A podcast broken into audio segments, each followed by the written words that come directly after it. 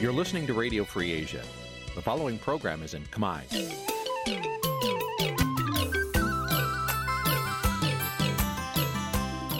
នេះជាកម្មវិធីផ្សាយ Vuthu Azizi Serai នេះជាកម្មវិធីផ្សាយរបស់ Vuthu Azizi Serai ជាភាសាខ្មែរ Vuthu Azizi Serai សូមស្វាគមន៍លោកអ្នកនាងទាំងអស់ពីរដ្ឋធានី Washington នៃសហរដ្ឋអាមេរិក បានពីរដ្ឋធានីវ៉ាស៊ីនតោនខ្ញុំបាទសនចាររថាសូមជម្រាបសួរលោកអ្នកនាងអ្នកស្ដាប់វិទ្យុអាស៊ីសេរីទាំងអស់ជាទីមេត្រីខ្ញុំបាទសូមជូនការផ្សាយសម្រាប់ព្រឹកថ្ងៃពុធ400ខែចែកឆ្នាំខាលចត្វាស័កពុរសករាជ2565ដែលត្រូវនៅថ្ងៃទី20ខែមេសាគ្រិស្តសករាជ2022បាទជាបន្តទៅនេះសូមអញ្ជើញលោកអ្នកនាងស្ដាប់ព័ត៌មានប្រចាំថ្ងៃដែលមានមេតិការដូចតទៅ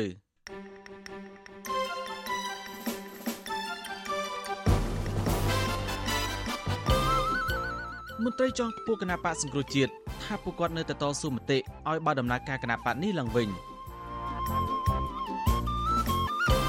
សហព័ន្ធខ្មែរកម្ពុជាក្រោមថ្កោលទោសវៀតណាមករណីបន្តចាប់ខ្មែរក្រោមដាក់ពន្ធនាគារជុំមស្គមបុកបើម៉ូតូបុកយុវជនបរិស្ថានម្នាក់ឲ្យរបួសធ្ងន់កិច្ចប្រជុំកំពូលពិសេសអាស៊ានអាមេរិកជាការសម្រាប់កម្ពុជាធានាតុល្យភាពនយោបាយការបរទេសប្រសើរជាងមុន ពួរនឹងព័ត៌មានផ្សេងៗមួយចំនួនទៀត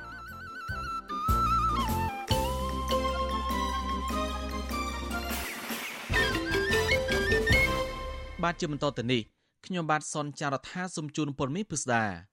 មន្ត្រីជាន់ខ្ពស់គណៈបកសង្គ្រោះជាតិអះអាងប្រាវិទ្យាអាស៊ីសេរី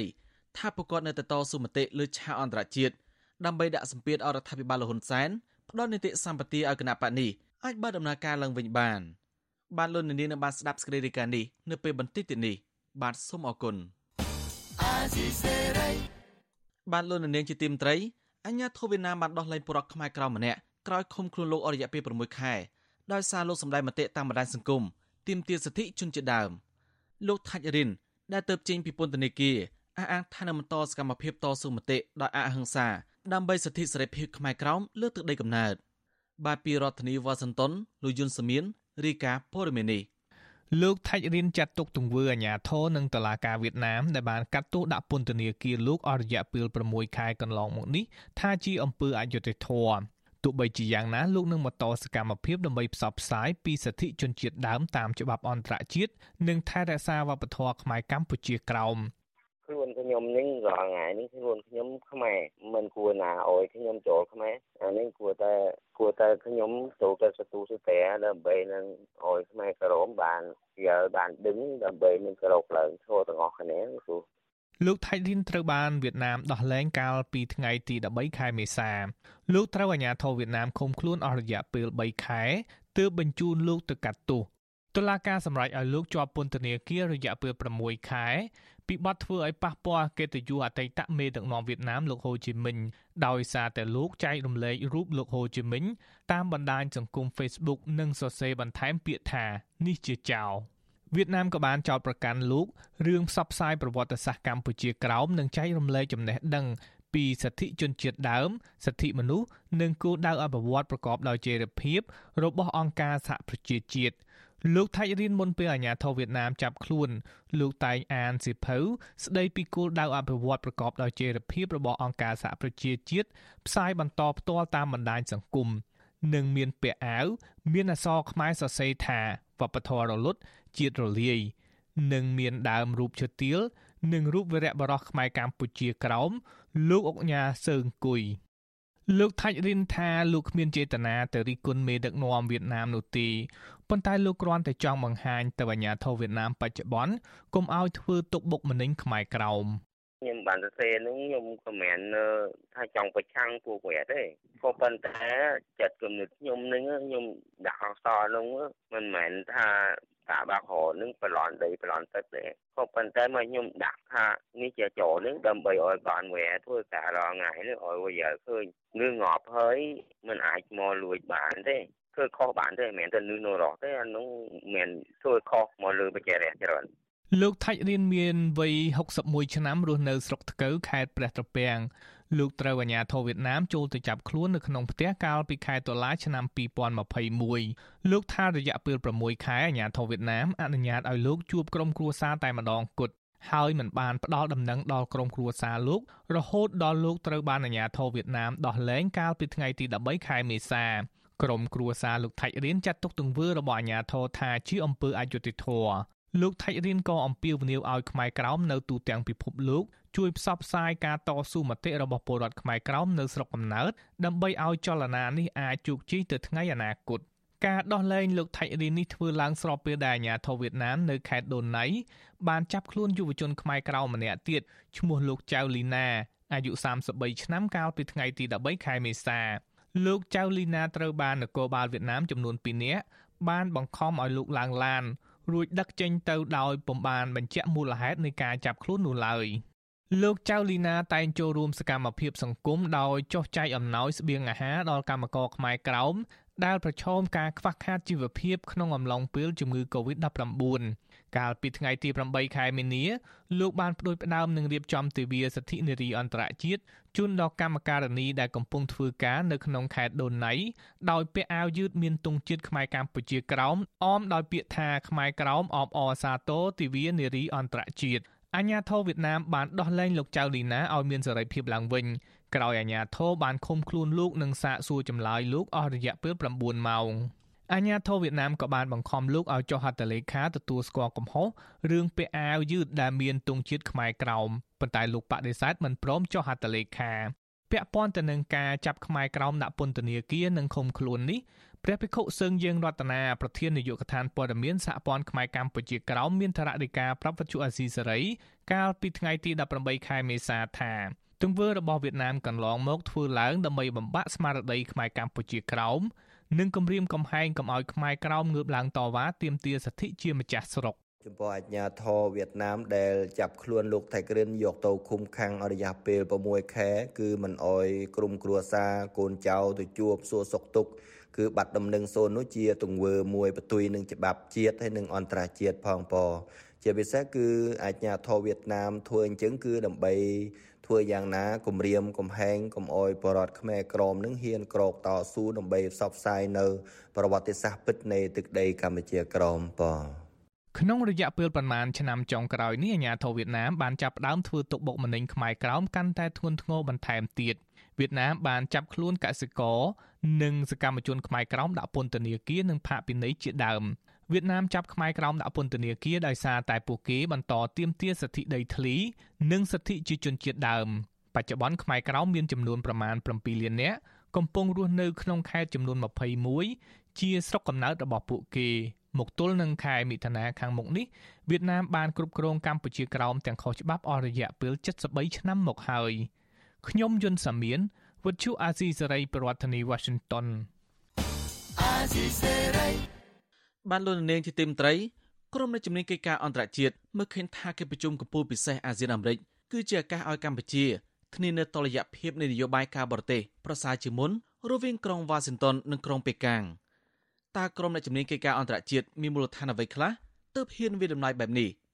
បាទសូមអញ្ជើញលោកនាងរងចាំស្ដាប់សេចក្តីរាយការណ៍នេះនៅពេលបន្តិចទៀតនេះបាទសូមអរគុណ។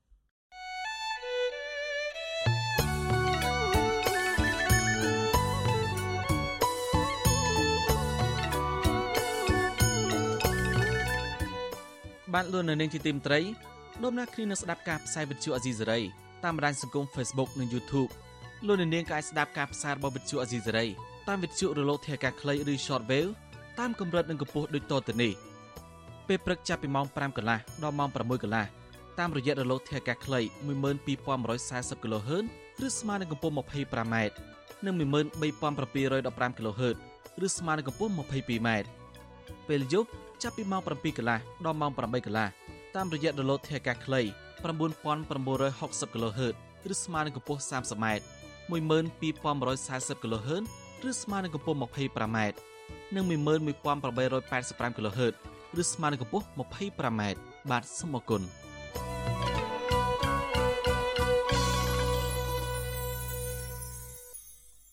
បាទលោកនៅនឹងជាទីមត្រីកម្មកររោងចក្រកាត់ដេរសម្លៀកបំពាក់ Canterbury Apparel Cambodia នៅក្រុងភ្នំពេញជាង4នាក់កាលពីថ្ងៃម្សិលមិញបាននាំគ្នាធ្វើកតកម្មបិទផ្លូវវិញស្រេងនៅទល់មុខក្រុមហ៊ុន ដើម្បីទាមទារឲ្យតកែគ្រប់កិច្ចសន្យាហើយដោះស្រាយបញ្ហាប្រាក់ឈ្នួលឲ្យកម្មករបាទពីរដ្ឋធានីវ៉ាស៊ីនតោនលោកមួនណារ៉េតរាយការណ៍ព័ត៌មាននេះក្រុមកម្មកររោងចក្រកាត់ដេរ Kentheren Apparel Cambodia លើកឡើងថាមូលហេតុដែលពួកគាត់បិទផ្លូវនៅមុខក្រុមហ៊ុននេះ គឺដោយសារតែភាគីក្រុមហ៊ុនមិនបានគោរពតាមកិច្ចព្រមព្រៀងក្នុងការបញ្ឈប់ដឹកជញ្ជូនគ្រឿងម៉ាស៊ីនភ្លើងចេញពីរោងចក្រកម្មការនីក្រុមហ៊ុន Kentheren Apparel Cambodia នៅរាជធានីភ្នំពេញលោកស្រីសឹមសុខាប្រាប់វិទ្យុអាស៊ីសេរីនៅថ្ងៃទី19ខែមេសាថាក្រុមហ៊ុន បានបញ្ជូនគ្រឿងម៉ាស៊ីននៅក្នុងរោងចក្រចេញក្រៅជាបន្តបន្ទាប់ដោយមិនមានការបកស្រាយឲ្យកម្មករដឹងនោះទេលោកស្រីបារម្ភថាការដែលក្រុមហ៊ុនចាប់ផ្ដើមជញ្ជូនសម្ភារៈចេញពីរោងចក្របែបនេះ ទំនងជាក្រុមហ៊ុនអាចនឹងបិទទ្វារដោយគ្មានការទទួលខុសត្រូវលើប្រាក់ឈ្នួលកម្មករក្រុមហ៊ុននោះមានចេតនាអីមួយហើយអញ្ចឹងកម្មករមិនថាខ្ញុំមិនថាកម្មករក្នុងនាមខ្ញុំជាកម្មករម្នាក់បើក្រុមហ៊ុននិយាយមិនច្បាស់លាស់ថាដឹកម៉ាស៊ីនទៅគឺពួកខ្ញុំមិនសុខចិត្តដែរដោយសារអីក្រុមហ៊ុនវាចេតនាអីមួយក្រុមហ៊ុននឹងបាត់តើចុងក្រោយពួកខ្ញុំបានអីចុងក្រោយបើសិនវាដឹកម៉ាស៊ីនដែលមានតម្លៃអស់ទៅវាអាចនឹងប្រឈមមុខបាត់ទៅ ស្រដៀងគ្នានេះដែរកម្មការនីម្នាក់ទៀតលោកស្រីនប់បូថានលើកឡើងថាកម្មករទាំងអស់បាត់បង់ទំនុកចិត្តដោយសារតែភាគីក្រុមហ៊ុនមិនគោរពកិច្ចសន្យាក្នុងការបញ្ឈប់ដឹកជញ្ជូនគ្រឿងម៉ាស៊ីនចេញពីកន្លែងការងារលោកស្រីបន្តថាសកម្មភាពក្រុមហ៊ុនតែងតែនាំចេញគ្រឿងសម្ភារៈធុនធ្ងន់ចេញពីរោងចក្រស្ងាត់ស្ងាត់ដោយគ្មានជូនដំណឹងឲ្យក្រុមកម្មការនយោជិតបានដឹងនោះទេ ចឹងបានពួកខ្ញុំតវ៉ាដើម្បីអីដើម្បីឲ្យក្រុមហ៊ុនហ្នឹងធប់ដឹកម៉ាស៊ីនតូចធំហ្នឹងចេញដើម្បីអីដើម្បីខ្លាចទៅពេលរោងចក្របាត់ទ្វារទៅគាត់ដឹកអារបស់ហ្នឹងទៅអស់អញ្ចឹងពួកខ្ញុំអត់មានបានអីចាអញ្ចឹងបានពួកខ្ញុំវាអត់មានទំនុកចិត្តហ្នឹងបានដោយសារពួកខ្ញុំធ្វើកិច្ចព្រមព្រៀងមួយគឺកិច្ចសន្យាមួយកុំឲ្យដឹកម៉ាស៊ីនចេញទៀតអញ្ចឹងព្រោះអីដឹងស្រាប់កម្មករ1000អ្នកជាងលើសតតែ3 400អ្នកហ្នឹង ជាមួយរឿងនេះប្រធានសហភាពសហជីពកម្ពុជាលោករងឈុន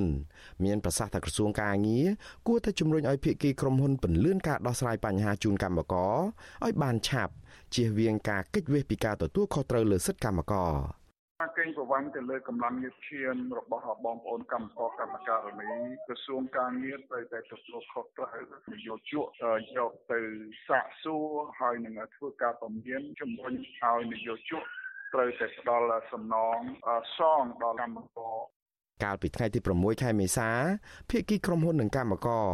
បានធ្វើកិច្ចសន្យាព្រមព្រៀងគ្នាមួយដោយក្រុមហ៊ុនអះអាងថានឹងបញ្ឈប់ការនាំចេញគ្រឿងម៉ាស៊ីនភ្លើងនិងសម្ភារៈធុនធ្ងន់ផ្សេងៗចេញពីរោងចក្រសហគ្រាសនេះក៏ប៉ុន្តែក្រុមកម្មករថាភាគីក្រុមហ៊ុនបាននាំចេញគ្រឿងម៉ាស៊ីនភ្លើងខ្នាតធំមួយគ្រឿងទៀតចេញពីកន្លែងការងារកាលពីក្រុមកម្មករឈប់សម្រាកនៅក្នុងពិធីបុណ្យចូលឆ្នាំខ្មែរ តកតងនឹងបញ្ហានេះតំណាងក្រុមហ៊ុន Kentheren Apparel Cambodia លោកលីវកម្បួរប្រាប់វិទ្យុអាស៊ីសេរីថាភាគីក្រុមហ៊ុនមិនមានបំណងកិច្ចវិសពីការទទួលខុសត្រូវលើកម្មករកម្មការនីនោះឡើយលោកអះអាងថាគ្រឿងម៉ាស៊ីនភ្លើងដែលភាគីក្រុមហ៊ុននាំចេញទៅខាងក្រៅនោះមិនមែនជាកម្មសិទ្ធិរបស់ក្រុមហ៊ុនឡើយ។ គូចង់និយាយថាម៉ាស៊ីនហ្នឹងជួលរបស់គេណាខាងម្ចាស់គេដោយថាគាត់ត្រូវយកទៅវិញអីចឹងដល់ពេលហើយទៅក៏អត់បានជូនដំណឹងខាងគាត់ចឹងតាមពិតមិនមែនជាម៉ាស៊ីនរបស់ក្រុមហ៊ុននេះអូនជាម៉ាស៊ីនជួលគេតាហើយពេលដែលបងប្អូនកម្មករគាត់បានមកតបានហ្នឹងគឺខាងក្រុមហ៊ុនបានដល់ឯកសារជួលឯកសារអីឲ្យគាត់អស់ហើយតើអូនអឺជាទូទៅយើងប្រើភ្លើងរត់ទេឥឡូវអូនភ្លើងរត់មិនដាច់ផងអញ្ចឹងយើងអត់យើងអត់ចាំបាច់ថាប្រើម៉ាស៊ីននឹងទៀតទៀតណាវត្តជូអាស៊ីសេរីមិនអាចតកតងណែនាំពាក្យក្រសួងការងារលោកហេងសួរដើម្បីសាកសួរបន្ថែមជំវិញការតវ៉ារបស់ក្រុមកម្មការនេះបានទេនៅថ្ងៃទី19ខែមេសាក៏ប៉ុន្តែក្រុមកម្មការឲ្យដឹងថាក្រសួងការងារនិងអាជ្ញាធរនឹងក៏ហៅឲ្យភាគីពាក់ព័ន្ធចូលខ្លួនបំភ្លឺជាថ្មី នៅសាលាខណ្ឌពោធិ៍សែនជ័យនៅថ្ងៃទី20ខែមេសា ដើម្បីបន្តដោះស្រាយបញ្ហាប្រឈមរបស់កម្មករ ជំវិញរឿងនេះនាយកទទួលបន្ទុកកិច្ចការទូតនៃអង្គការលីកាដូលោកអំសំអាតជំរុញដល់ក្រសួងការងារដោះស្រាយបញ្ហាឲ្យបានចប់សពគ្រប់ជូនកម្មករជាមុនដើម្បីឲ្យក្រុមកម្មករមានជំនឿចិត្តលើភាគីក្រុមហ៊ុនសម្ភារៈឬក៏អីអាចជញ្ជូននៅពេលណាក៏បានដែរពីព្រោះចង្កាលកាលណាជញ្ជូនអស់ទៅក្រុមហ៊ុនមានអី នឹងត្រូវមានតម្ងន់នៅក្នុងការដោះស្រាយជាមួយកម្មករទៀតអញ្ចឹងគឺសំខាន់គឺក្រសួងការងារនិងស្ថាប័នពាក់ព័ន្ធហ្នឹងត្រូវទៅជំរុញហើយដោះស្រាយឲ្យបានចប់សពគ្រប់ចាំអោដកយកសម្ភារៈទៅឧទាហរណ៍ថាបើសិនជាក្រុមហ៊ុននឹងមិនមានលទ្ធភាពបង់ក៏ក្រសួងឬក៏អាជ្ញាធរពាក់ព័ន្ធហ្នឹងគាត់អាចនឹងឲ្យក្រុមហ៊ុនហ្នឹងសងពេលក្រោយឬក៏យ៉ាងម៉េចឬក៏ដោះដូរយ៉ាងម៉េចដើម្បីឲ្យមានការដោះស្រាយជូនកម្មករជាមុនសិនទៅបាទ ក្រុមកម្មកររោងចក្រ Kentheren Apparel Cambodia ឲ្យដឹងទៀតថានេះមិនមែនជាលើកទី1ទេ ដែលពួកគេចេញធ្វើកោតកម្មដើម្បីទាមទារឲ្យតកែគ្រប់សិទ្ធិកម្មករនោះ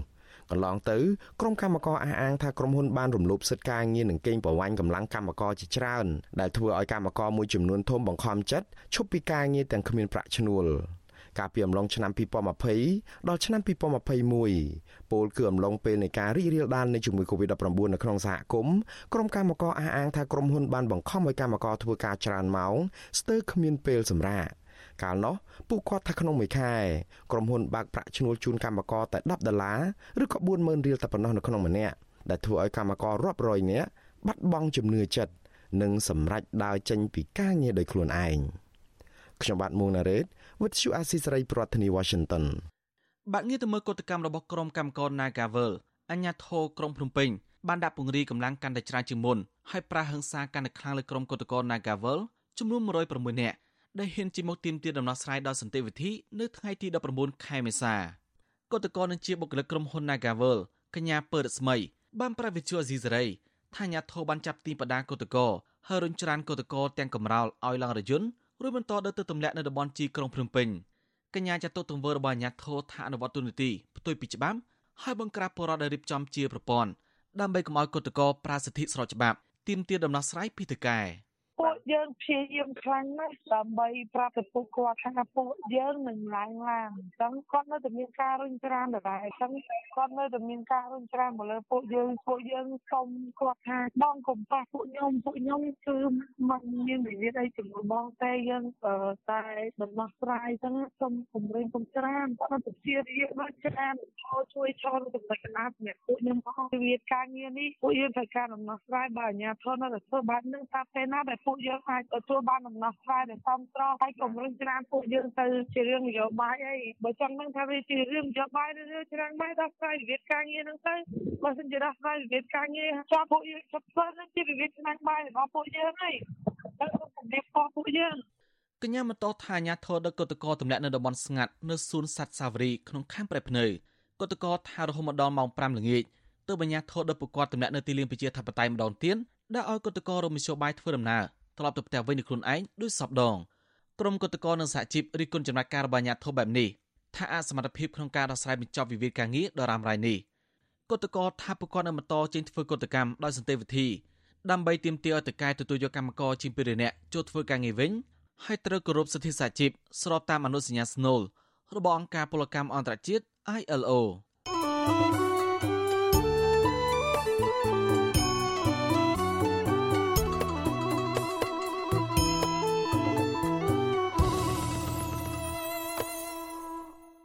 បានលោកនៅនាងជាទីមត្រីជុំស្គមមុខម្នាក់បានជិះម៉ូតូបុកពេញទំហឹង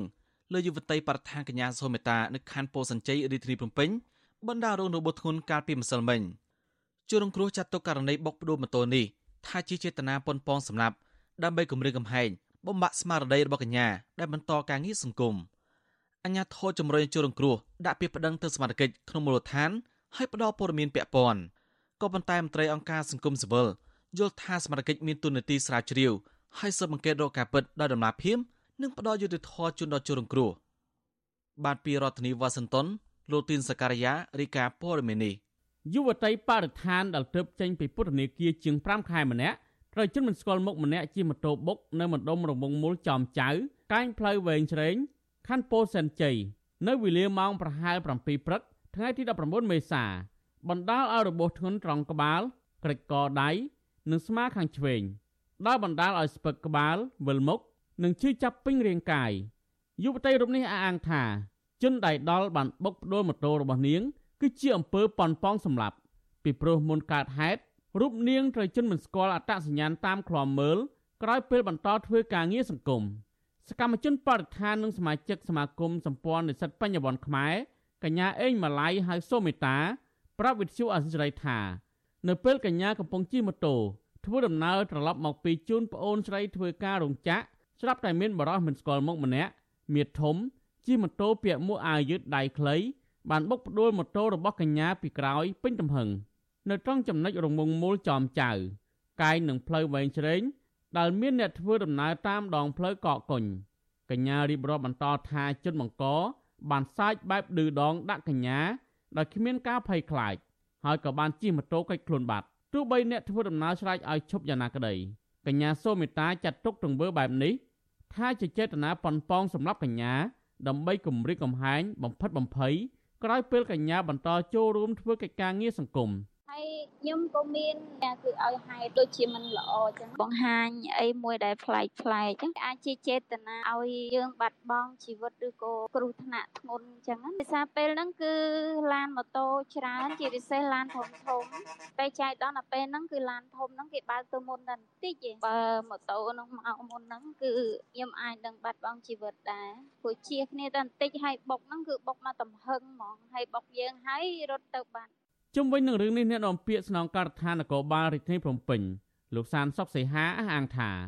រាល់បណ្ដឹងរបស់ប្រជាពលរដ្ឋសមត្ថកិច្ចតែងតែយកចិត្តទុកដាក់ចុះស្រាវជ្រាវដល់កន្លែងកើតហេតុហើយជនរងគ្រោះចាំបាច់ត្រូវសហការជាមួយសមត្ថកិច្ចដើម្បីអនុវត្តច្បាប់ដោយដាក់ពាក្យប្តឹងនិងផ្ដល់ព័ត៌មានពាក់ព័ន្ធដើម្បីឲ្យសមត្ថកិច្ចងាយស្រួលស៊ើបអង្កេតប៉ុន្តែលោកចោទថាបុគ្គលមួយចំនួនតែងតែលើកឡើងថាខ្លួនជាជនរងគ្រោះដើម្បីបំពុលសង្គម ដោយគ្មានភ័ស្តុតាងច្បាស់លាស់ហើយព្យាយាមកិច្ចវេះសហការជាមួយសមាជិក សមត្ថកិច្ចយើងអនុវត្តជូនប្រជាពលរដ្ឋស្មើភាពគ្នាហើយតែមានករណីអ្វីផ្សេងៗគឺសមត្ថកិច្ចយើងយើងនឹងយើងនឹងអនុវត្តជូនមិនដូចគាត់ចេះតែលើកថាអូមានអ្នកនេះតាមមានអ្នកនោះចេះមានអ្នកនោះចុះខ្លះជាករណីមួយរឿងផ្សេងការគិតរបស់គាត់នឹងចេះតែគិតមកលើកមកដើម្បីជាគ្រាន់តែជាការបំពល់មួយឲ្យប្រជាពលរដ្ឋអ្នកផ្សេងនឹងគិតថាអូមើលទៅវាអសន្តិសុខអសន្តិតែជាទូទៅគឺមិនមានជាបញ្ហាអីចឹងទេទោះជាយ៉ាងណាក្តីកន្លងមកជនរងគ្រោះមួយចំនួនដែលជាសកម្មជនសង្គមនិងនយោបាយ តែងតែដាក់ពាក្យប្តឹងទៅអាជ្ញាធរមានសមត្ថកិច្ចដែរប៉ុន្តែមកទល់ពេលនេះគ្មានករណីណាមួយដែលត្រូវបានអាជ្ញាធរបំបែកឬបង្ហាញលទ្ធផលស៊ើបអង្កេតគួរឲ្យទុកចិត្តបាននោះទេសមត្ថកិច្ចរាជធានីភ្នំពេញបានចាប់កញ្ញាសូមេតាកាលពីថ្ងៃទី7ខែកញ្ញាឆ្នាំ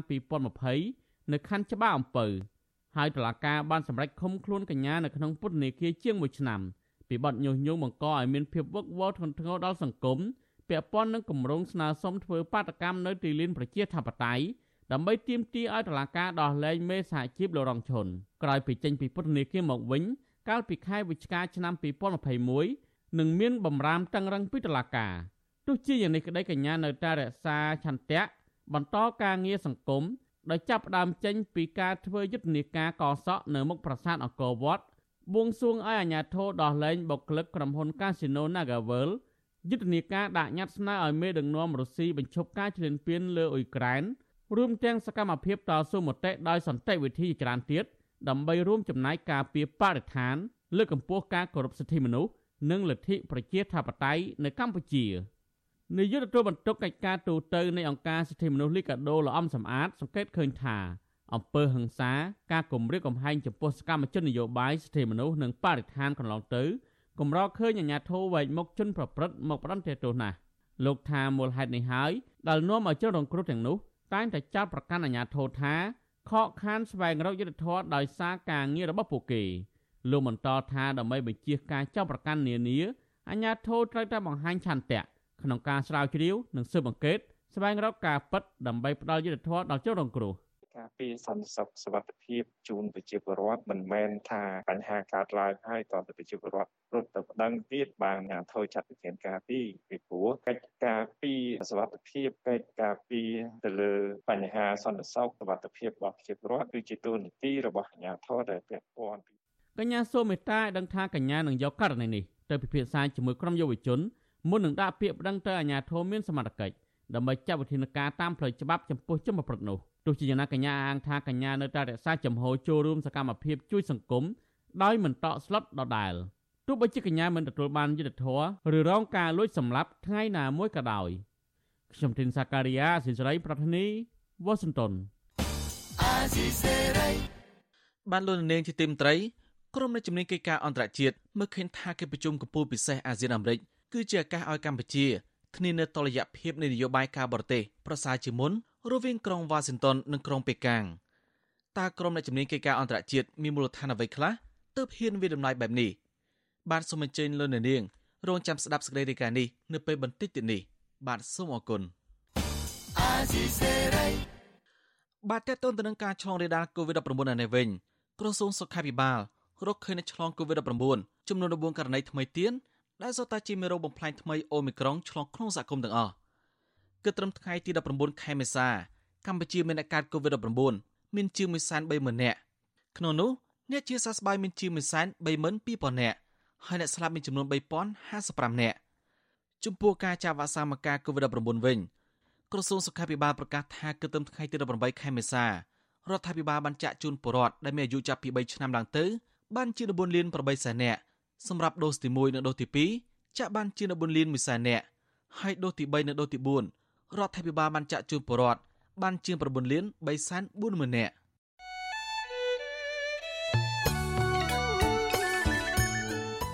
បានលោកនាងជាទីមត្រីនៅក្នុងឱកាសនេះដែរខ្ញុំបានសូមថ្លែងអំណរគុណដល់លោកនាងកញ្ញាទាំងអស់ដែលតែងតែមានភក្ដីភាពចំពោះការផ្សាយរបស់យើងហើយចាត់ទុកការស្ដាប់វិទ្យុអាស៊ីសេរីជាផ្នែកមួយនៃសកម្មភាពប្រចាំថ្ងៃរបស់លោកនាងការគ្រប់គ្រងរបស់លោកនាងនេះហើយដែលធ្វើឲ្យយើងខ្ញុំមានទឹកចិត្តកាន់តែខ្លាំងបន្ថែមទៀត នៅក្នុងការស្វែងរកនិងផ្តល់ព័ត៌មានជូនលោកនាងមានអ្នកស្ដាប់អ្នកទស្សនាកាន់តែច្រើនកាន់តែធ្វើឲ្យយើងខ្ញុំមានភាពស្វាហាប់មោះមុតជាបន្តទៅទៀតយើងខ្ញុំសូមអរគុណទុកជាមុនហើយសូមអញ្ជើញលោកនាងចូលរួមជំរុញសកម្មភាពផ្តល់ព័ត៌មានរបស់យើងនេះកាន់តែជោគជ័យបន្ថែមទៀតលោកនាងអាចជួយយើងខ្ញុំបានដោយគ្រាន់តែចុចចែករំលែកឬ Share ការផ្សាយរបស់យើងនៅលើបណ្ដាញសង្គម Facebook និង YouTube ទៅកាន់មិត្តភ័ក្តិដើម្បីឲ្យការផ្សាយរបស់យើងបានទៅដល់មនុស្សកាន់តែច្រើន បាទសូមអរគុណ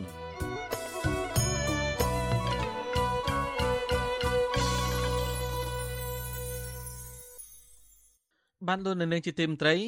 មន្ត្រីអង្គការសង្គមសវននិងប្រជាសហគមន៍នេសាទខេត្តបាត់ដំបងអំពីវិនិយោគអាជ្ញាធរខេត្តនេះអនុវត្តច្បាប់លើអ្នកដែលពាក់ព័ន្ធកាប់បំផ្លាញព្រៃលិចទឹកអស់រាប់ពាន់ហិកតាក្នុងតំបន់បឹងទន្លេសាបពួកគេសង្កេតឃើញថាកន្លងទៅអាជ្ញាធរដកហូតដីព្រៃលិចទឹកដែលក្រុមឈ្មួញលបកាប់ទន្ទ្រានអស់រាប់ពាន់ហិកតា នៅក្នុងឃុំចំនួន3ក្នុងស្រុកឯកភ្នំប៉ុន្តែមិនទាន់ឃើញចាប់ខ្លួនមេខ្លោងនិងអ្នកពាក់ព័ន្ធមកផ្ដន់ទោសតាមផ្លូវច្បាប់នៅឡើយទេមកទល់ពេលនេះបានពីរដ្ឋធានីវ៉ាស៊ីនតោនលោកសេបណ្ឌិតរាយការណ៍ព័ត៌មាននេះមន្ត្រីសង្គមស៊ីវិលនិងប្រជាសហគមន៍នេសាទរស់នៅស្រុកឯកភ្នំខេត្តបាត់ដំបងទទូចឲ្យរដ្ឋាភិបាលពង្រឹងប្រសិទ្ធភាពការងារអាជ្ញាធរមូលដ្ឋានឲ្យទទួលខុសត្រូវក្នុងការគ្រប់គ្រងធនធានធម្មជាតិឬដីព្រៃលិចទឹក ក្នុងដែនសមត្ថកិច្ចរបស់ខ្លួន ស្របតាមច្បាប់ ដោយគម្រងចាំតែបទបញ្ជាពីថ្នាក់លើម្ដងម្កាលទើបចុះអនុវត្តច្បាប់ ពួកគេសង្កេតឃើញថាអាជ្ញាធរមូលដ្ឋានខ្លះក្នុងស្រុកឯកភ្នំមិនអើពើបង្ក្រាបការរុករានដីព្រៃលិចទឹក និងទប់ស្កាត់បទល្មើសនេសាទឲ្យមានប្រសិទ្ធភាពនោះទេតំណាងសហគមន៍នេសាទខេត្តបាត់ដំបង លោកហ៊ុតហ៊ាន ប្រាប់បទសុអសីសេរី នៅថ្ងៃទី19មេសាថា អំពើពុករលួយ គឺជាចំណុចសំខាន់ដែលរដ្ឋាភិបាល គួរតែយកចិត្តទុកដាក់ដោះស្រាយព្រោះមន្ត្រីមួយចំនួន មានទម្លាប់ប្រព្រឹត្តអំពើពុករលួយ ក្នុងរឿងបទល្មើសនេសាទនិងបណ្ដោយឲ្យក្រុមជនល្មើសកាប់ទុនទ្រានដីព្រៃលិចទឹកអស់រាប់ពាន់ហិកតាស្ថិតនៅក្នុងឃុំពីមឯកនិងឃុំព្រែកនរិន ក្នុងស្រុកឯកភ្នំ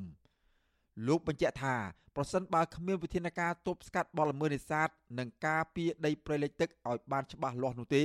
ធនធានត្រី និងជីវៈចម្រុះនៅតំបន់បឹងទន្លេសាបនឹងបន្តធ្លាក់ចុះខ្លាំងប៉ះពាល់ដល់ជីវភាពរស់នៅរបស់ប្រជាពលរដ្ឋ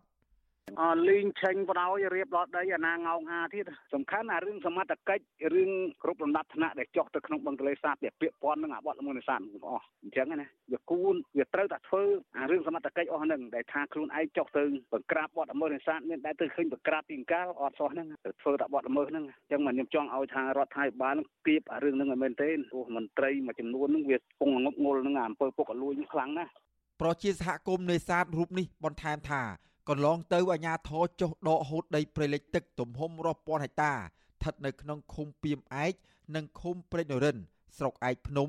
ដែលជន់ល្មើសលួចកាប់ទុនទ្រានស្ទើរតែទាំងស្រុងកាលពីអំឡុងឆ្នាំ2021ប៉ុន្តែមកទល់នឹងពេលនេះឃើញអាជ្ញាធរខាត់ខ្លួនជន់ល្មើសបានតែម្នាក់គត់លោកទៀមទាសូមឲ្យអាជ្ញាធរមានសមត្ថកិច្ចត្រូវស៊ើបអង្កេតរកអ្នកពាក់ព័ន្ធមកផ្ដន់ទោសបន្ថែមទៀតដើម្បីឲ្យពលរដ្ឋស្ងប់អារម្មណ៍ ចំណែកអនុប្រធានសហគមន៍នេសាទស្ដីក្រោមមហាសួងខេត្តបាត់ដំបង លោកសំអាត ផ្ដល់ទស្សនៈថា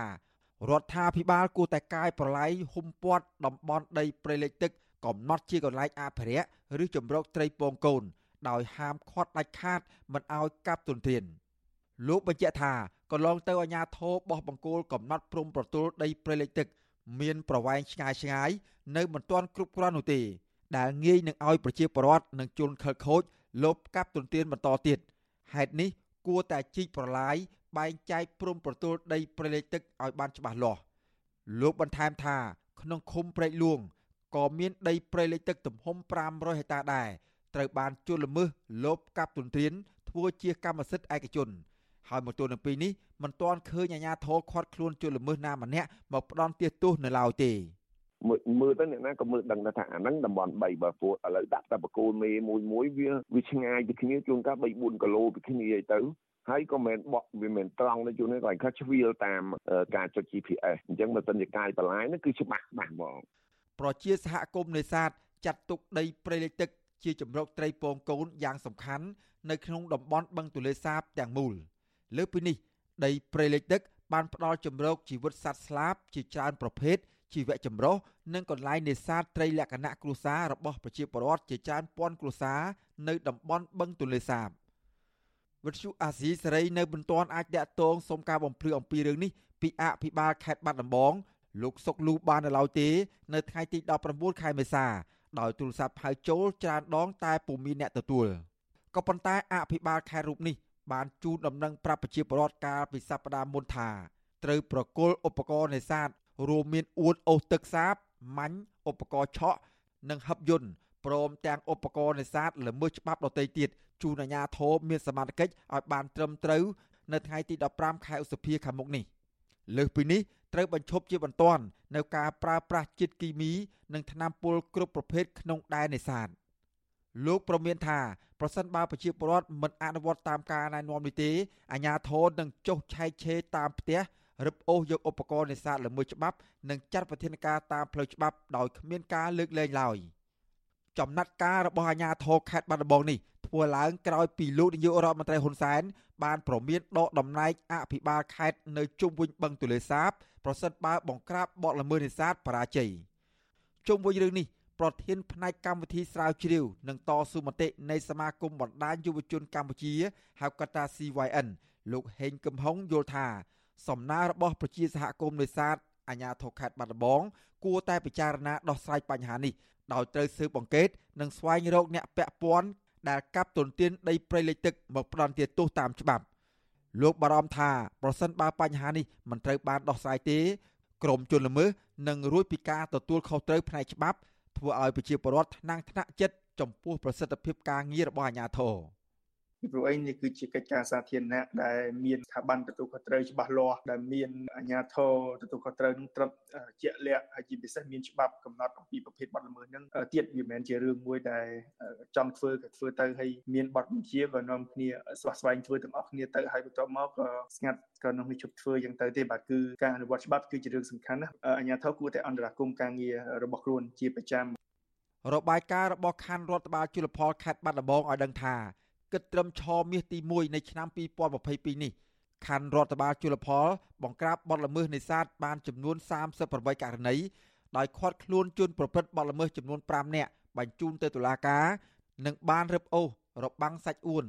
និងរបាំងសាច់ស្បៃមុងជិត20000ម៉ែត្រព្រមទាំងឧបករណ៍នេសាទខុសច្បាប់ជាច្រើនផ្សេងទៀតរីឯរបាយការណ៍បង្ក្រាបបទល្មើសនេសាទនៅតំបន់បឹងទលេសាបក្នុងខេត្តចំនួន6 ក្រសួងមិនទាន់បានបង្ហាញលទ្ធផលសរុបនៅឡើយទេខ្ញុំបាទសេកបណ្ឌិតវិទ្យុអាស៊ីសេរីពីរដ្ឋធានីវ៉ាស៊ីនតោនបានលោកនៅនាងជាទីមត្រីក្រសួងពលរដ្ឋនឹងបង្កើតក្រុមការងារថ្មីមួយដើម្បីដាក់បញ្ចូលពាក្យថ្មីជាងពាក្យរពាក្យទៅក្នុងសភៅអេឡិចត្រូនិកឬហៅថា e-book ពាក្យថ្មីទាំងពាក្យរពាក្យនេះពាក់ព័ន្ធនឹងប្រព័ន្ធផ្សព្វផ្សាយនៅវិស័យសារព័ត៌មានដែលក្រមប្រសាជាភាសាខ្មែរនៃរាជបណ្ឌិតសភាកម្ពុជា បានអនុម័តរួចហើយកាលពីពេលថ្មីថ្មីនេះ។ អ្នកនាំពាក្យក្រសួងពលរដ្ឋលោកផុសវ៉ាន់បានប្រាប់ភ្នំពេញប៉ុស្តិ៍កាលពីថ្ងៃទី19ខែមេសាថាក្រសួងពលរដ្ឋបានបង្កើតគណៈកម្មការរៀបចំប្រមូលពាក្យថ្មី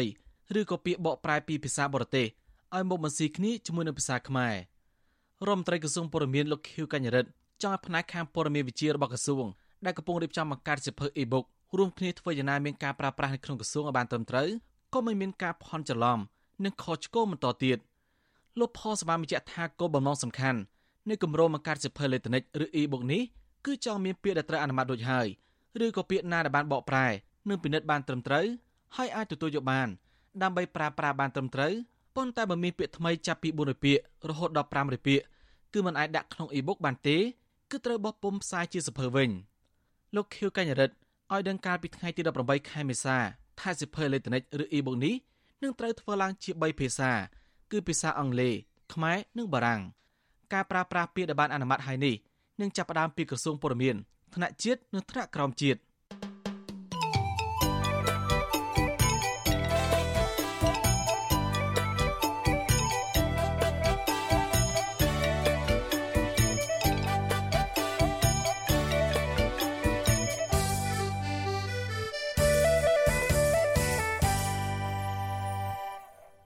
បាទលោកនាងជាទីមត្រី ក្រសួងយុតិធធប្រកាសបន្តរៀបចំយន្តការដោះស្រាយវិវាទក្រៅប្រព័ន្ធតុលាការតាមរយៈសន្តានកម្មសហគមន៍រដ្ឋលេខាធិការក្រសួងយុតិធធនឹងជាប្រធានក្រុមការងារបច្ចេកទេសដែលរៀបចំគោលនយោបាយនេះលោកជឹមលីនឲ្យដឹងថាក្រុមការងារកំពុងបន្តធ្វើការផ្សព្វផ្សាយឯកសារទស្សនៈទាននៃយន្តការនេះដល់ភាគីពាក់ព័ន្ធលោកបញ្ជាក់ប្រាប់កាសែតភ្នំពេញប៉ុស្តិ៍ថាក្រុមការងារក្រុមបញ្ចប់គោលនយោបាយថ្នាក់ជាតិនេះនឹងត្រៀមប្រកាសដាក់ឲ្យប្រើប្រាស់ក្នុងឆ្នាំ2022នេះលោកថាក្រុមការងារដដែលនេះ នឹងធ្វើការផ្សព្វផ្សាយឯកសារទស្សនៈទានដែលជាផែនទីបង្ហាញផ្លូវពាក់ព័ន្ធទៅនឹងការរៀបចំយន្តការឬក៏វិធីដោះស្រាយវិវាទក្រៅប្រព័ន្ធតុលាការនេះការផ្សព្វផ្សាយនេះរួមទាំងការបោះពុម្ពឯកសារដោយសហការគ្នារវាងក្រសួងយុតិធធនិងសហភាពអឺរ៉ុបដែលមានជាពីរភាសាគឺភាសាខ្មែរនិងភាសាអង់គ្លេសលោកជឹមលីនថាក្រសួងយុតិធធចាត់ទុកការរៀបចំយន្តការដោះស្រាយវិវាទក្រៅប្រព័ន្ធតុលាការនេះថាជាកម្មវិធីអតិភិបដោយសារយន្តការនេះ ពលរដ្ឋអាចដោះស្រាយវិវាទនៅទល់មុខគ្នាហើយរាប់អានគ្នាតទៅទៀតបានខុសពីយន្តការតាមផ្លូវតុលាការ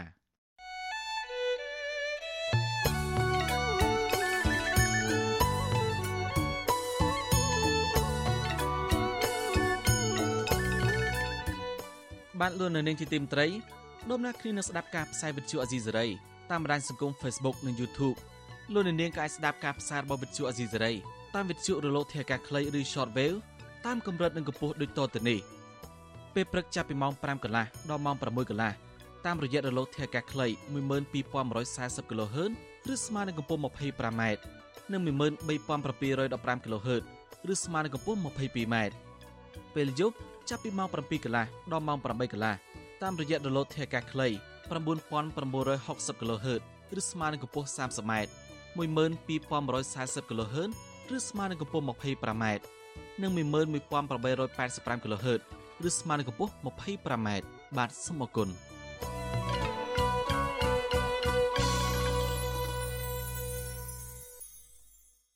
បាទលោកនៅនាងជាទីមត្រីមន្ត្រីចុងខ្ពស់គណៈបកសង្គ្រោះជាតិអះអាងប្រាវិទ្យាអេស៊ីសេរីថាពួកគាត់នៅតែបន្តតស៊ូមតិលើឆាកអន្តរជាតិដើម្បីដាក់សម្ពាធអរដ្ឋាភិបាលលហ៊ុនសែនផ្ដល់នីតិសម្បទាឲ្យគណៈបកនេះអាចបើដំណើរការឡើងវិញបាន បាទពីរដ្ឋធានីវ៉ាស៊ីនតោនលោកមុនរ៉េតរាយការណ៍ព័ត៌មាននេះការតស៊ូមតិលើឆាកអន្តរជាតិដើម្បីឲ្យគណៈបកប្រឆាំងដែលមានប្រជាពលរដ្ឋគ្រប់គ្រងពាក់កណ្ដាលប្រទេសបើកដំណើរការឡើងវិញនេះត្រូវបានមន្ត្រីនិងសកម្មជនគណៈបកសង្គ្រោះជាតិបន្តធ្វើអស់រយៈពេលជាង4ឆ្នាំមកហើយបើតាមប្រធានស្ដីទីគណៈបកសង្គ្រោះជាតិលោកសំរងស៊ីលោកប្រាប់វិទ្យុអាស៊ីសេរីកាលពីថ្ងៃទី19ខែមេសា ថាបេសកកម្មនេះគឺគ្មានអ្វីប្រែប្រួលនោះទេ គឺពួកគាត់នៅតែបន្តទៀមទាបកនេះមកវិញឲ្យខាងតែបានយើងនៅតែទៀមទារបបលោកហ៊ុនសែននៅទីក្រុងភ្នំពេញបើកផ្លូវឲ្យគណៈបកសង្គ្រោះជាតិដំណើរការឡើងវិញពីព្រោះការរំលាយគណៈបកសង្គ្រោះជាតិនោះរំលាយលើក្រដាស់មែនតែរំលាយយ៉ាងខុសច្បាប់ហើយវាផ្ទុយពីឆន្ទៈប្រជារាស្ត្រប្រមាណពាក់កណ្ដាលនគរដែលគ្រប់គ្រងសង្គ្រោះជាតិ រំលាយសង្គ្រោះជាតិដូចជារំលាយឆន្ទៈប្រជារាស្ត្រអញ្ចឹងมันអាចធ្វើអញ្ចឹងបានទេបាទហ្នឹងជាផ្ទុយស្រឡះពីគោលការណ៍លទ្ធិប្រជាធិបតេយ្យដូច្នេះអ្វីដែលយើងនៅទៀមទាពីដើមទីមកយើងនៅតែទៀមទាដដែលកន្លងមកសហគមន៍អន្តរជាតិមានសហរដ្ឋអាមេរិកនិងសហភាពអឺរ៉ុបផង បានចូលរួមនៅក្នុងការទៀមទានេះដែរដោយប្រទេសទាំងនេះបានដាក់ទណ្ឌកម្មមន្ត្រីនិងរដ្ឋាភិបាលលោកហ៊ុនសែនជាហូរហែ សហភាពអឺរ៉ុបបានដកប្រព័ន្ធការអនុគ្រពន្ធ EBA 20%ពីកម្ពុជារដ្ឋាភិបាលសហរដ្ឋអាមេរិកកាត់ផ្តាច់ជំនួយទាំងអស់ដែលធ្លាប់ផ្ដល់ដល់កម្ពុជា លើកលែងតែជំនួយមនុស្សធម៌រដ្ឋសភាអាមេរិកបានអនុម័តច្បាប់ដើម្បីដាក់សម្ពាធឲ្យរដ្ឋាភិបាលលោកហ៊ុនសែនស្ដារលទ្ធិប្រជាធិបតេយ្យនិងសិទ្ធិមនុស្សឡើងវិញ នៅក្នុងសប្តាហ៍នេះលោកសំរងស៊ីថាលោកនិងមន្ត្រីគណៈបកសង្គ្រោះជាតិមួយចំនួនទៀតនឹងធ្វើដំណើរទៅទីក្រុង Brussels ប្រទេស Belgium ដើម្បីជួបមន្ត្រីសហភាពអឺរ៉ុបរឿងគណៈបកសង្គ្រោះជាតិនេះក្នុងពេលជាមួយគ្នានេះអនុប្រធានគណៈបកសង្គ្រោះជាតិអ្នកស្រីមូសុកហួរឲ្យវិទ្យុអាស៊ីសេរីដឹងកាលពីថ្ងៃទី19ខែមេសាដែរថាអ្នកគាំទ្រគណៈបកសង្គ្រោះជាតិនៅក្រៅប្រទេស កំពុងតែរៀបចំគម្រោងធ្វើបាតកម្មប្រឆាំងវត្តមានលោកនាយរដ្ឋមន្ត្រីហ៊ុនសែនដែលគ្រោងនឹងមកចូលរួមកិច្ចប្រជុំកំពូលអាស៊ានអាមេរិកនៅដើមខែឧសភានេះអ្នកស្រីបញ្ជាក់ថាបាតកម្មនោះគឺដើម្បីផ្ញើសារដល់រដ្ឋាភិបាលលោកហ៊ុនសែនឲ្យដោះស្រាយរឿងផ្ដាល់នីតិសម្បទាដល់គណៈបកសង្គ្រោះជាតិនេះផងដែរ ចំពោះបរិយាកាសនយោបាយនៅក្នុងប្រទេសឯណោះវិញអ្នកសិក្សាស្រាវជ្រាវអំពីការអភិវឌ្ឍសង្គមនិងនយោបាយលោកយល់ថាវាជារឿងស្មុគស្មាញធំមួយសម្រាប់មន្ត្រីគណៈបកសង្គ្រោះជាតិនៅមូលដ្ឋាន ក្នុងការតស៊ូទាមទារឲ្យគណៈបកសង្គ្រោះជាតិរស់ឡើងវិញនេះលោកបណ្ឌិតសេងសេរីថាបញ្ហាលំបាកនោះគឺតឡាការមិនទាន់សម្រេចរឿងក្តីលោកកម្មសុខាដែលជាប់ពាក់ព័ន្ធទៅនឹងការរំលាយគណៈបកសង្គ្រោះជាតិនេះតែម្ដង បើទោះបីជាលោកសេងសេរីពុំមានសុតិធិនិយមថាលោកហ៊ុនសែននឹងឲ្យគណៈបកសង្គ្រោះជាតិបើកដំណើរការឡើងវិញក៏ដោយក៏លោកលើកទឹកចិត្តឲ្យមានដឹកនាំគណៈបកសង្គ្រោះជាតិទាំងពីររូបបន្តទៀមទីឲ្យរដ្ឋាភិបាលលោកហ៊ុនសែនបើកឲ្យគណៈបកសង្គ្រោះជាតិដំណើរការឡើងវិញ ស្របពេលជាមួយគ្នានេះលោកផ្ដាល់ជាអវ៉ាតដល់អ្នកគ្រប់គ្រងគណៈបកប្រឆាំងនៅមូលដ្ឋានឲ្យជ្រើសរើសជំរើសថ្មីមួយដែលជំនួសគណៈបកសង្គ្រោះជាតិដើម្បីបើកច្រកឲ្យមានកម្លាំងនយោបាយប្រឆាំងបន្តក្តីសង្ឃឹមនឹងដង្ហើមតស៊ូនយោបាយនៅមូលដ្ឋាន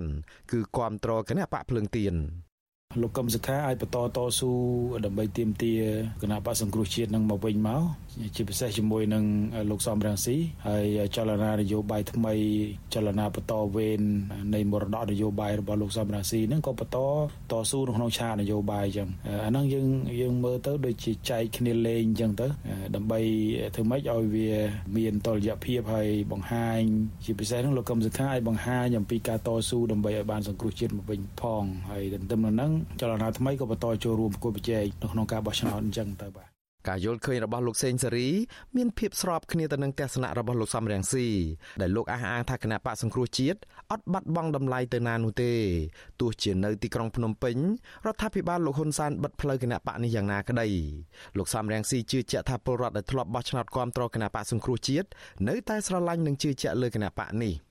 ក៏ប៉ុន្តែលោកថាជាសិទ្ធិរបស់ប្រជាពលរដ្ឋនៅមូលដ្ឋានក្នុងការជ្រើសរើសគាំទ្រនិងបោះឆ្នោតឲ្យគណៈបកណាមួយសិននៅក្នុងការបោះឆ្នោតខាងមុខនេះបើពលរដ្ឋទុកចិត្តនឹងជឿជាក់ថាគណៈបកនោះមានជំហរប្រជាធិបតេយ្យសេរីភាពយុត្តិធម៌និងជួយប្រជាពលរដ្ឋទុនខ្សោយនិងក្រីក្រ ចំពោះការតស៊ូនៅលើទឹកដីប្រទេសកម្ពុជា បើគ្មានជំរឿសអ្វីទេពីព្រោះការបោះឆ្នោតនេះជិតមកដល់ហើយឲ្យប្រជាពលរដ្ឋលោកគិតទៅលោកខ្លឹងខ្លាញ់ខ្លួនលោកទៅថាមានគណៈបកណាដែលមានជំហរដោយគណៈបកសង្គ្រោះជាតិជំហរនោះអត់មានទោសពេកអីទេយើងមានជំហរយ៉ាងណាប្រជារាស្ត្រនឹងគ្រប់គ្រងយើងតាមនឹង សហគមន៍អន្តរជាតិខាងប្រទេសលោកសេរីឈរនៅខាងអ្នកប្រជាធិបតេយ្យខ្មែរនៅក្នុងការទាមទារឲ្យស្ដារសិទ្ធិមនុស្សនិងប្រជាធិបតេយ្យឡើងវិញក៏ប៉ុន្តែការប្រកាសគាំទ្រគណៈបកនយោបាយថ្មីជំនួសគណៈបកសង្គ្រោះជាតិនៅក្នុងពេលដែលការតស៊ូទាមទារយកគណៈបកសង្គ្រោះជាតិមកវិញមិនទាន់បានសម្រេចនៅឡើយបែបនេះរងការរិះគន់ថាធ្វើមិនចំគោលដៅ អ្នកវិភាគនយោបាយលោកកឹមសុខថាអ្នកប្រជាធិបតេយ្យត្រូវមានគោលដៅពិតប្រាកដមួយ គឺទាមទារគណៈបកសង្គ្រោះជាតិឲ្យខាងតែបានព្រោះការទាមទារគណៈបកប្រឆាំងដែលគេរំលាយទាំងខុសច្បាប់នេះគឺដើម្បីទាមទាររកយុត្តិធម៌បើទោះបីជាមិនបាន100%ក៏ត្រូវបានចំណែកណាមួយសមរម្យដែរលោកកឹមសុខថាបើការទៀមទានេះខុសគោលដៅនោះវានឹងធ្វើឲ្យកម្លាំងទៀមទារោគយុតិធធនេះចុះខ្សោយប្រសិនបើទៅចូលរួមការបោះឆ្នោត នៅពេលដែលវិបត្តិនយោបាយដ៏ធំគេប្លន់អំណាចតែម្ដងប្លន់អំណាចគណៈបកសង្គ្រោះជាតិអត់ទាន់មានដំណោះស្រាយអ្វីទាំងអស់បែរទីជារូបការបោះឆ្នោតដែលគេរៀបចំដូច្នេះធ្វើឲ្យកម្លាំងនៃការទៀមទាត់ដើម្បីយុតិធម៌នឹងកាន់តែរួញទៅហើយគឺជាការផ្ដល់ផលប្រយោជន៍ទៅដល់គណៈបកប្រជាជនកម្ពុជាធំធេងធ្វើបែបហ្នឹង លោកកឹមសុខថាបណ្ឌិតនយោបាយធ្វើសកម្មភាពមិនត្រូវទិសនោះមិនត្រឹមតែនាំឲ្យប្រជាពលរដ្ឋខ្មែរម្ចាស់ឆ្នោតវង្វេងនោះទេសូម្បីតែសហគមន៍អន្តរជាតិក៏អាចវង្វេងនោះដែរក្នុងពេលជាមួយគ្នានេះលោកថាគណៈបកប្រឆាំងបែរជាធ្វើឲ្យអារម្មណ៍របស់លោកហ៊ុនសែនបានធូរស្បើយទៅវិញលោកកឹមសុខថាដើម្បីឲ្យកម្លាំងទៀមទាគណៈបកសង្គ្រោះជាតិមកវិញគឺនៅមូលដដែលគឺតើតើអ្នកនយោបាយគណៈបកប្រឆាំងនេះមិនបែកខ្ញែកគ្នា ដូចគ្នានេះដែរអ្នកខ្លំមើលសង្គមម្នាក់ទៀតយល់ស្របថាដើម្បីទាមទារសិទ្ធិមនុស្សនិងប្រជាធិបតេយ្យជាពិសេសទាមទារគណៈបកសង្គ្រោះជាតិឲ្យបើកដំណើរការឡើងវិញបានគឺទាល់តែកម្លាំងអ្នកប្រជាធិបតេយ្យមានសម្លេងតែមួយពោលគឺសារនយោបាយឲ្យស្របទៅនឹងសកម្មភាពអ្នកជំនាញច្បាប់និងកិច្ចការអន្តរជាតិកញ្ញាសេងធីរីនៅតែប្រកាន់ជំហរដាច់ខាត ថាដើម្បីទាមទារឲ្យគណៈបកសង្គ្រោះជាតិរស់ឡើងវិញបានគឺទាល់តែនយោបាយបកប្រឆាំងនិងប្រជាពលរដ្ឋដែលស្រឡាញ់ប្រជាធិបតេយ្យប្រើប្រាស់សិទ្ធិតវ៉ានិងធ្វើពហិការការបោះឆ្នោតខាងមុខនេះព្រោះការចូលរួមការបោះឆ្នោតនោះគឺជាការចូលរួមផ្ដល់ភាពស្របច្បាប់ដល់រដ្ឋាភិបាលលោកហ៊ុនសែនដែលធ្វើបាបគណៈបកសង្គ្រោះជាតិតែប៉ុណ្ណោះ គណៈបកសង្គ្រោះជាតិនៅរស់រវើកពីព្រោះប្រជាពលរដ្ឋអត់ទាន់ទទួលស្គាល់ថារបបផ្ដាច់ការអាចរំលាយបានមិនអាចរំលាយបានពីព្រោះមិនស្របធម្មនុញ្ញ2022នេះ2023ធ្វើបហិការនីតិវិធីនយោបាយបោះឆ្នោតតែម្ដងគុំចុះឈ្មោះគុំធ្វើកោសនាគុំលើកផ្លាកនឹងឯដែលអាចធ្វើឲ្យសង្គ្រោះជាតិជាគណៈបក រស់ឡើងវិញដូចគ្នានេះដែរសកម្មជនគណបកសង្គ្រោះជាតិមួយរូបដែលធ្លាប់រស់នៅប្រទេសកូរ៉េខាងត្បូងឯណោះវិញលោកយល់ស្របនិងលើកទឹកចិត្តឲ្យមន្ត្រីគណបកសង្គ្រោះជាតិបន្តសកម្មភាពទៀមទាឲ្យគណបកសង្គ្រោះជាតិបើកដំណើរការឡើងវិញក៏ប៉ុន្តែលោកមិនយល់ស្របតាមយុទ្ធសាស្ត្ររបស់លោកសំរងស៊ីនោះឡើយ។ អតីតប្រធានចលនាយុវជនគណៈបកសង្គ្រោះជាតិប្រចាំនៅប្រទេសកូរ៉េខាងត្បូងលោកយឹមស៊ីណន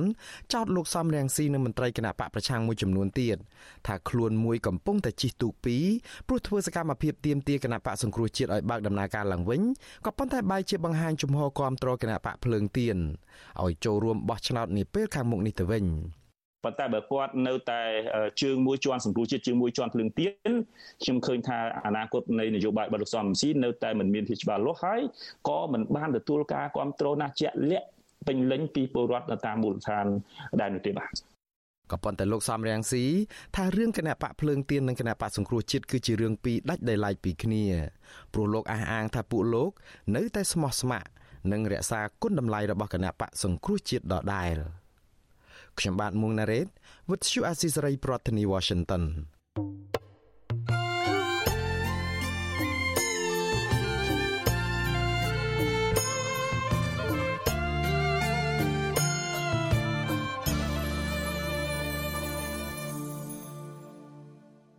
បានលោកនៅនាងជាទីមត្រីក្រុមអ្នកជំនាញកិច្ចការអន្តរជាតិមើលឃើញថាកិច្ចប្រជុំកំពូលពិសេសអាស៊ានអាមេរិកគឺជាឱកាសឲ្យកម្ពុជាធានានូវតុល្យភាព នៃនយោបាយការបរទេសប្រសើរជាមុនរវាងក្រុងវ៉ាស៊ីនតោននិងក្រុងប៉េកាំងការវាតម្លៃនេះការមានឡើងស្របពេលដែលក្រុមមេដឹកនាំអាស៊ាននិងអាមេរិកក្រុងជួបប្រជុំគ្នាផ្ទាល់មុខនៅរដ្ឋធានីវ៉ាស៊ីនតោនសហរដ្ឋអាមេរិកនៅពាក់កណ្ដាលខែឧសភាកមុននេះនៅឯកិច្ចប្រជុំកំពូលពិសេសអាស៊ានអាមេរិកបាទពីរដ្ឋធានីវ៉ាស៊ីនតោនលោកមេរិតរីកាព័រមីនីកិច្ចប្រជុំកំពូលពិសេសអាស៊ានអាមេរិកលើកទី2ដែលក្រុងនឹងធ្វើនៅចំកណ្ដាលបេះដូងសហរដ្ឋអាមេរិក គឺនៅសេតាវិមានប្រធានាធិបតីក្នុងរដ្ឋធានី Washington នៅថ្ងៃទី12និង13ខែឧសភាឆ្នាំនេះត្រូវបានក្រុមអ្នកជំនាញកិច្ចការអន្តរជាតិមើលឃើញថាជាឱកាសសម្រាប់កម្ពុជា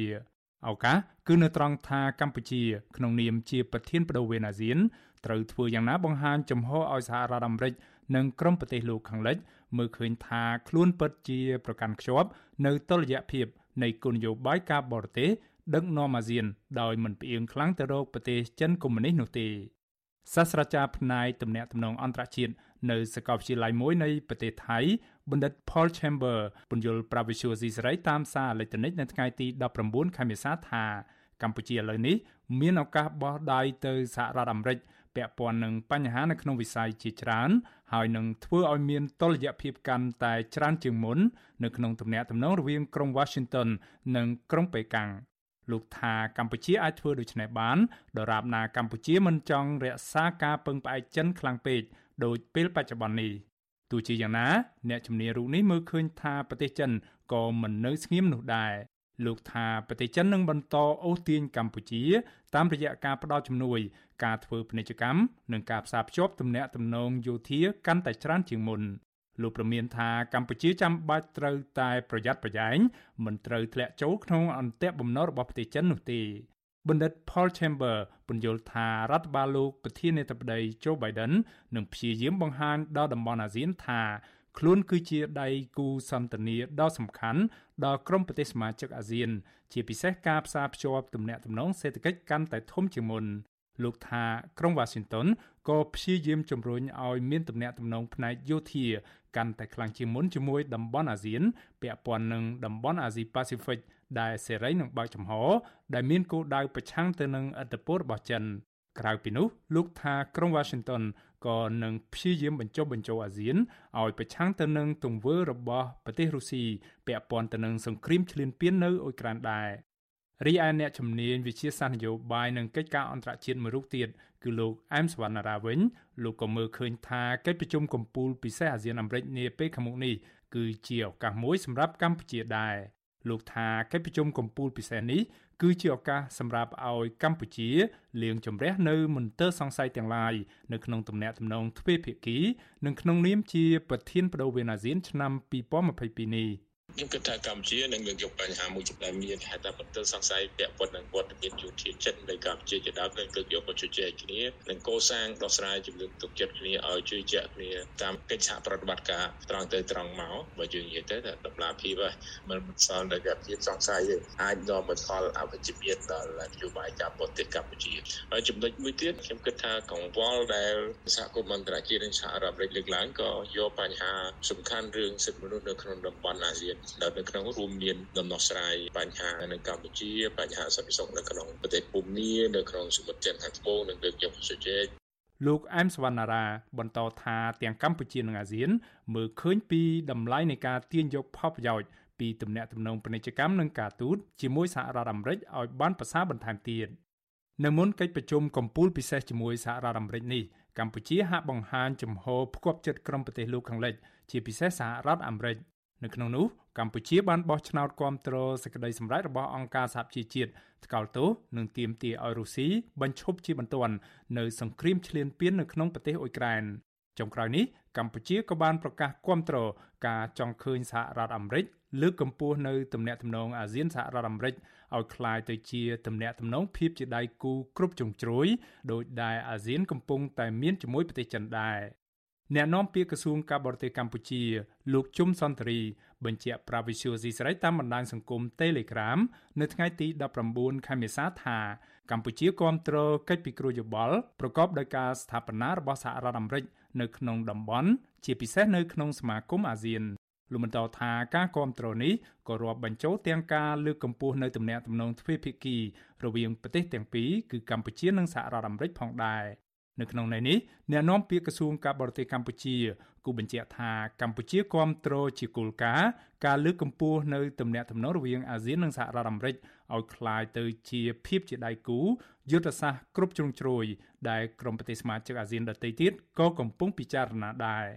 បច្ចុប្បន្នទំនាក់ទំនងរវាងសហរដ្ឋអាមេរិកនិងតំបន់អាស៊ានគឺជាទំនាក់ទំនងត្រឹមតែជាដៃគូសន្តិនិក ទំនាក់ទំនងនេះត្រូវបានបង្កើតឡើងតាំងពីឆ្នាំ1977មកទំនាក់ទំនងភាពជាដៃគូកិច្ចសន្ទនានេះផ្ដោតលើវិស័យចម្បងចម្បងចំនួន5រួមមានការធ្វើសមារណកម្មសេដ្ឋកិច្ចកិច្ចសហប្រតិបត្តិការលំហសមុទ្រអនាគតមេដឹកនាំឱកាសសម្រាប់ស្ត្រី និងបញ្ហាប្រឈមឆ្លងដែន ក្រុមអ្នកជំនាញកិច្ចការអន្តរជាតិរំពឹងថាការលើកកម្ពស់នៅទំនាក់ទំនងរវាងអាស៊ាននិងសហរដ្ឋអាមេរិកឲ្យคล้ายទៅជាភាពជាដៃគូយុទ្ធសាស្ត្រគ្រប់ជ្រុងជ្រោយនេះនឹងคล้ายជាលទ្ធផលផ្លែផ្កាមួយក្រោយកិច្ចប្រជុំកំពូលពិសេសអាស៊ានអាមេរិកដែលនឹងប្រព្រឹត្តទៅនៅថ្ងៃទី12ដល់ថ្ងៃទី13ខែឧសភាឆ្នាំនេះនៅរដ្ឋធានី Washington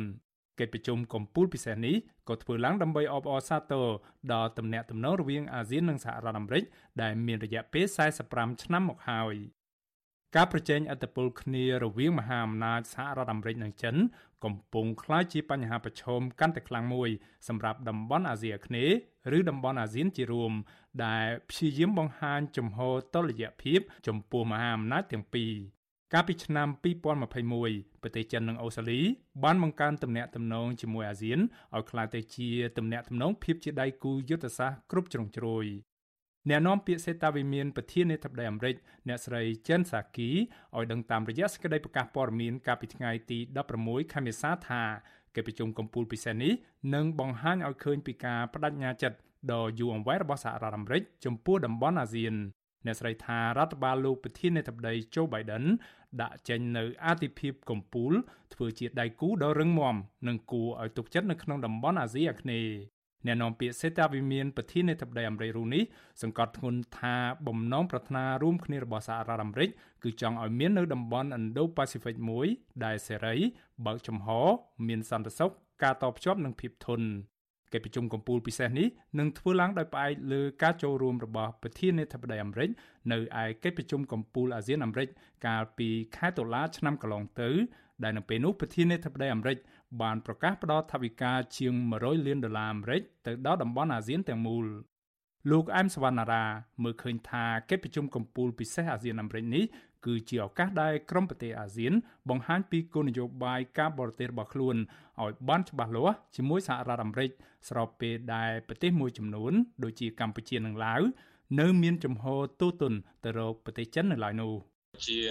ការឆ្លុះប្រចាំមួយថាថ្នាក់ដឹកនាំរវាងអាមេរិកហើយនិងប្លុកអាស៊ាននេះអាចមានសញ្ញាណជជែកគ្នាទៅលើបញ្ហាមួយចំនួនដែលមានមន្ទិលសង្ស័យពីមុនមកនេះអាចជជែកគ្នាបានច្បាស់ហើយក៏ជាពេលវេលាមួយដែលប្លុកអាស៊ាននឹងត្រូវបង្ហាញពីគោលនយោបាយការបរទេសខ្លួនកាន់តែច្បាស់ដែរកុំឲ្យនៅគ្នាមន្ទិលសង្ស័យពីព្រោះយើងមើលចរន្តបច្ចុប្បន្ននេះប្រទេសដែលមានមន្ទិលសង្ស័យសម្រាប់ប្រទេសលោកខាងលិចដូចសហរដ្ឋអាមេរិកមានកម្ពុជាមានឡាវនឹងហាក់ដូចជានៅមានទំដូរមកខាងចិនហើយប្រទេសប្រមាណទៀតដូចជាថៃនឹងគេទៅសហរដ្ឋអាមេរិកហើយម៉ាឡេស៊ីអីនេះក៏ប៉ុន្តែបណ្ដាប្រទេសដូចជាសិង្ហបុរីហើយនិងប្រទេសមួយចំនួនហាក់ដូចជានៅនៅកណ្ដាលដើម្បីគេយកអត្ថប្រយោជន៍ហ្នឹងទោះជាយ៉ាងណាអ្នកជំនាញកិច្ចការអន្តរជាតិមួយរូបទៀតគឺបណ្ឌិតអៀសុផល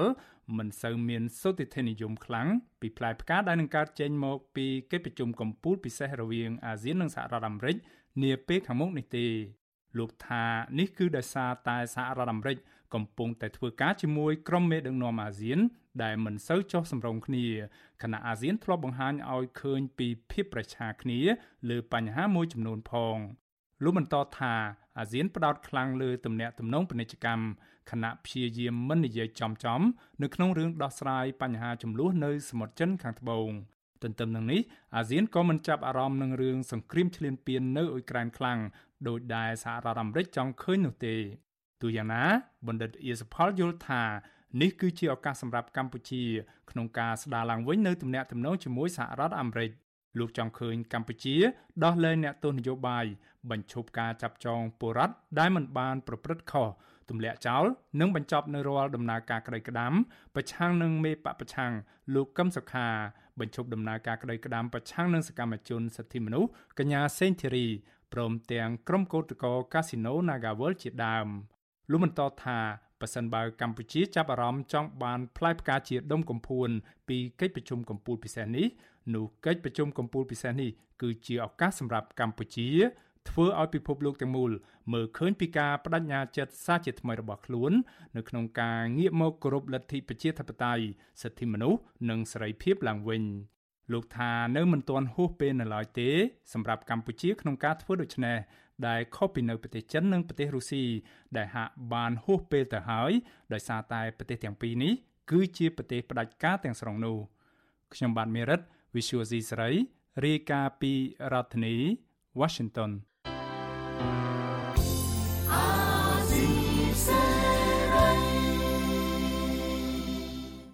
បានលោកនាងកញ្ញាអ្នកស្ដាប់វិទ្យុអេស៊ីសរ៉ៃជាទីមេត្រី